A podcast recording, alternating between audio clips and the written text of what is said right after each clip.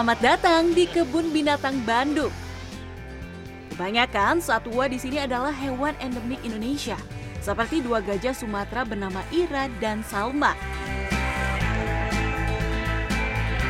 Saya berkesempatan lebih dekat dengan Salma.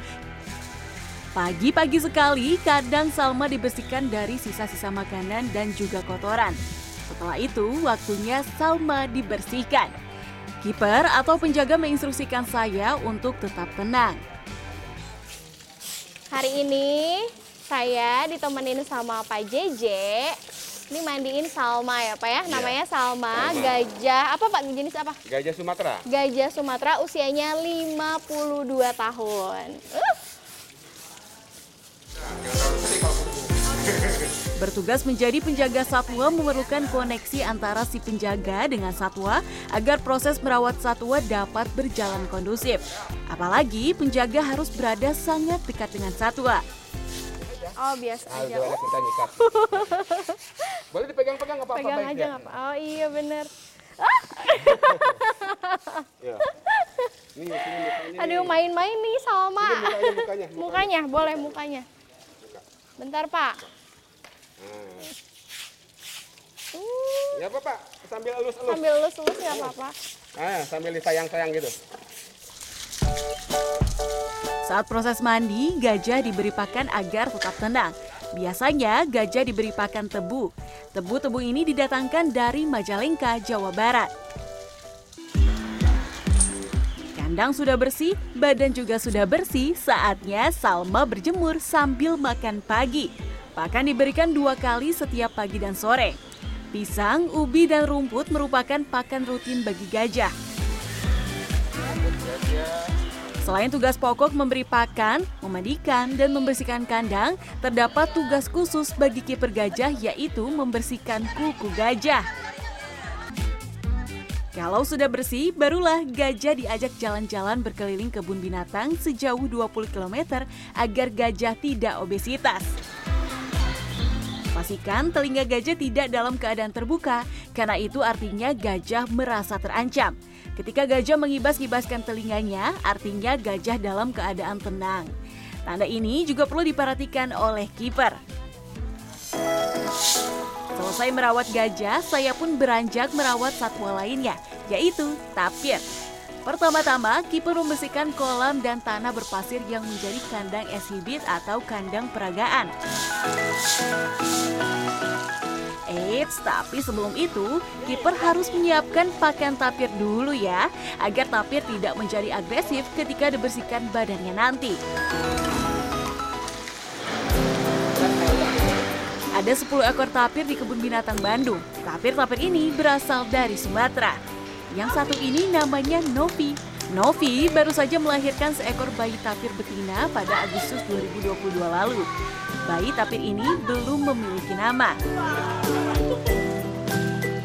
Saat proses mandi, tapir harus masuk ke dalam kolam. Sama seperti yang dilakukan pada Salma, saya pun mencoba berkenalan dengan tapir yang satu ini. Kalau tapir sudah masuk ke kolam, kiper bergegas membersihkan tubuh tapir. Kotoran yang menempel pada kulit tapir dengan mudah hilang. Agar tidak agresif, jangan lupa kasih makan ya. Apa makanannya Pak nih sekarang? Ini daun nangka. Emang suka dia Pak? Ya paling suka. Kalau nggak daun nangka tuh daun apa? Kupu-kupu sama kaliandra daun kaliandra. Oh iya, iya sih emang ini lebih tenang ya Pak ya kalau misalnya pakai makanan. Dianya jadi fokus makan, kitanya mandiin gini, bersihin. Kalau yang kecil gimana Pak bersihinnya? Boleh. Boleh. Nanti kalau udah ke sini. Oh kalau udah menunggu posisi yang tepat ya Pak. Selain diberi pakan daun nangka segar, ada sejumlah jenis pakan lain yang diberikan pada tapir dan satwa-satwa lain. Untuk sebagian hewan herbivora atau pemakan tumbuhan, disiapkan pula rumput gajah. Rumput asal Purwakarta ini dapat diberikan secara langsung atau dicacah seperti ini. Rumput-rumput ini harus dicacah terlebih dahulu sebelum diberikan kepada aneka satwa. Dan dalam satu hari ini, rumput ini dicacah sebanyak 90 kg.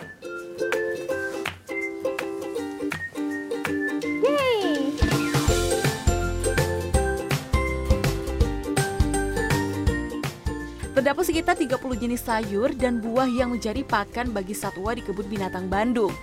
Pakan ini didistribusikan langsung ke kandang-kandang satwa setiap pagi dan sore sesuai dengan kebutuhan pakan masing-masing satwa. Enggak atuh pak. Pelan-pelan atuh pak. Aku baru anak baru nih. Berapa kilo ini teh pak? 50.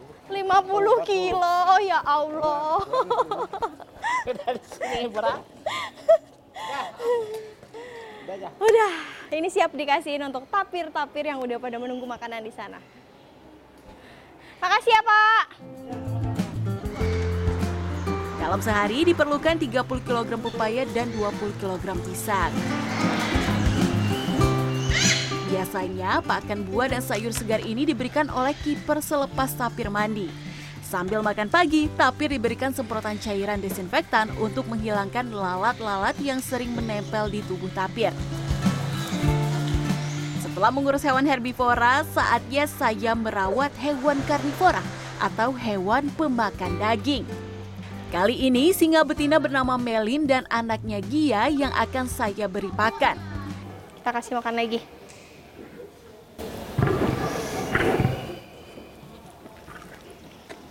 Nah, jadi singa-singa ini diberi makan bukan hanya daging ayam saja, tapi juga daging sapi yang jumlahnya dalam sehari untuk satu singa ini sekitar 6 sampai 6,5 kg. Ya, Pak ya?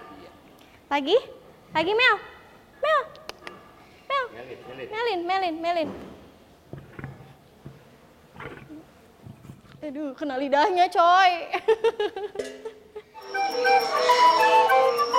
Selain hewan pemakan daging, saya juga berkesempatan untuk menjadi kiper di kubah burung kebun binatang Bandung. Tugas khusus di sini adalah merawat bayi-bayi anakan burung. Bayi-bayi ini berada dalam kandang inkubator. Mereka belum bisa terbang dengan lincah, makanya pun masih harus disuapi. harus hati-hati karena takutnya eh, kalau terlalu kencang juga masuknya ke paru-paru bukan ke bagian mulutnya. Hmm, jadi khawatir nanti dianya malah apa ya? Kesedak, Tersedak, iya. iya. Untuk meloloh burung ini diperlukan kehati-hatian. Tekstur adonan makanan pun harus diperhatikan. Nah ini sebenarnya tadi bapaknya ngizinin saya untuk nyoba meloloh burung, tapi memang ini harus dilakukan oleh profesional karena mengingat tadi ya, kalau misalnya makanannya masuk ke saluran paru-paru itu bisa membahayakan ya pak ya, beresiko untuk nyawa dari burung ini. Jadi saya juga nggak berani deh untuk eh, ngasih makanannya. Wup.